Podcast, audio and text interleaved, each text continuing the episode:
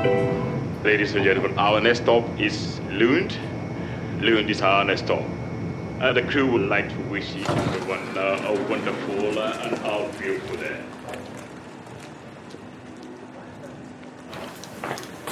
This is Alex. Alex Davis, Department of Engineering and Public Policy, Carnegie Mellon University, assistant professor, and I study um, decision making from a behavioral perspective. Well, sometimes uh, I take a very computational approach. So we just bought a house, and I was able to build a model of, of the housing prices. So we find them, find one that we like, and then find out whether it's reasonably priced, and, and then make a decision on it. Um, there are other uh, other things such as uh, what to do with my time during the day, which is very frantic and uh, um, uh, haphazard. So um, I could probably come up with a more rational strategy than that. so I'm a empirical scientist. I collect data. I talk to people, do interviews, do surveys, um, do psychological experiments, um, and do field experiments.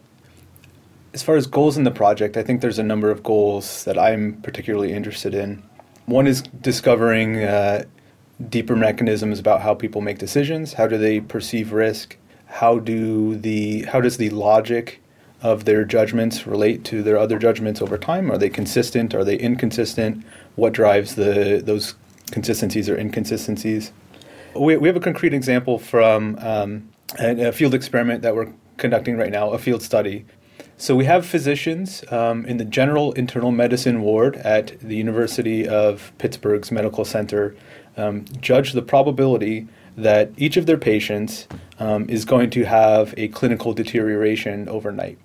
And so, clinical deterioration here is defined as either having a heart attack, having to call an emergency team that comes and evaluates the patient, or being transferred to the um, in- intensive care unit, the ICU, so we asked them to judge the probability that each of their patients will have this deterioration, but we want to make sure that they understand what they're being asked and that there's some logical relationships between their different judgments. And the way that we do this is by asking them to judge the probability of each of these three events happening. So, what's the probability of a cardiac arrest, or an, an emergency um, team call, or uh, transfer to the ICU? Um, and then at the end, for the last patient, we say, just for that last patient, what's the probability of just the emergency team being called? And it turns out from just the basic laws of probability that the probability of an event A or B or C happening must be uh, greater than or equal to just any one of those events happening.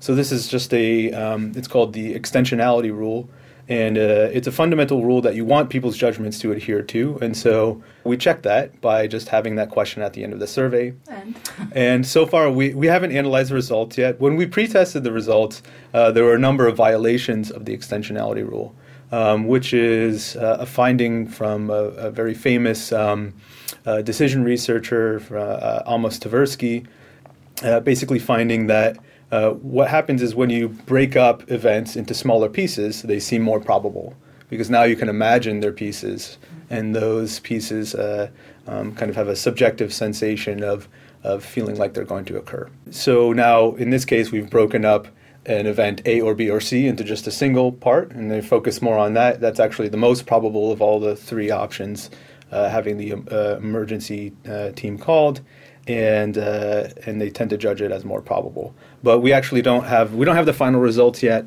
uh, and so that's something that we're we're following up on. What I would like to achieve with this project is understanding how people's judgments are related. Are they consistent or inconsistent? I would hopefully like to affect the way um, decisions are actually made in practice. So we have a number of projects that we are um, beginning right now, hoping to, for example, at the SBU, help them integrate evidence. So what happens at the SBU is they're, is they're tasked with determining whether a specific treatment is effective or ineffective. And they're, pre- they're presented with a, uh, a, variety of evidence, so randomized control trials, observational studies, and each of them have different levels of validity. Um, some of them might be biased due to um, participant selection, so people in the control group might be at higher risk than people in the treatment group. And so it's, it's difficult to determine whether the participants' characteristics or the actual treatment has an effect. So the um, the experts are tasked with taking all of this information and integrating it um, and providing a summary statement about how good the evidence is is, a, is in support of a treatment. Uh, there's a lot of issues with that. So so each so they evaluate each of the studies and they say is this study high quality or low quality. So they give it a grade on a scale of one to four. But then the question is, how do you integrate these studies with each other? So one study says that you have 20% effectiveness, one says 10% effectiveness, uh, but the 20% effectiveness study is biased and you expect it to be overestimating the true effect, whereas the other one you, you expect to be underestimating the true effect. So how do you put them together? And so this is a case where there are methods in in statistics and methods in the psychology of judgment where um, you get each expert to provide a subjective assessment of the degree of bias and, and the uncertainty um, in each study. You can aggregate them together. So hopefully it has effect on the way the, the process works, for example, at the SBU, but is a, mo- a more general method where evidence is um, integrated in a formal way, taking the subjective uh, experience of the experts into account.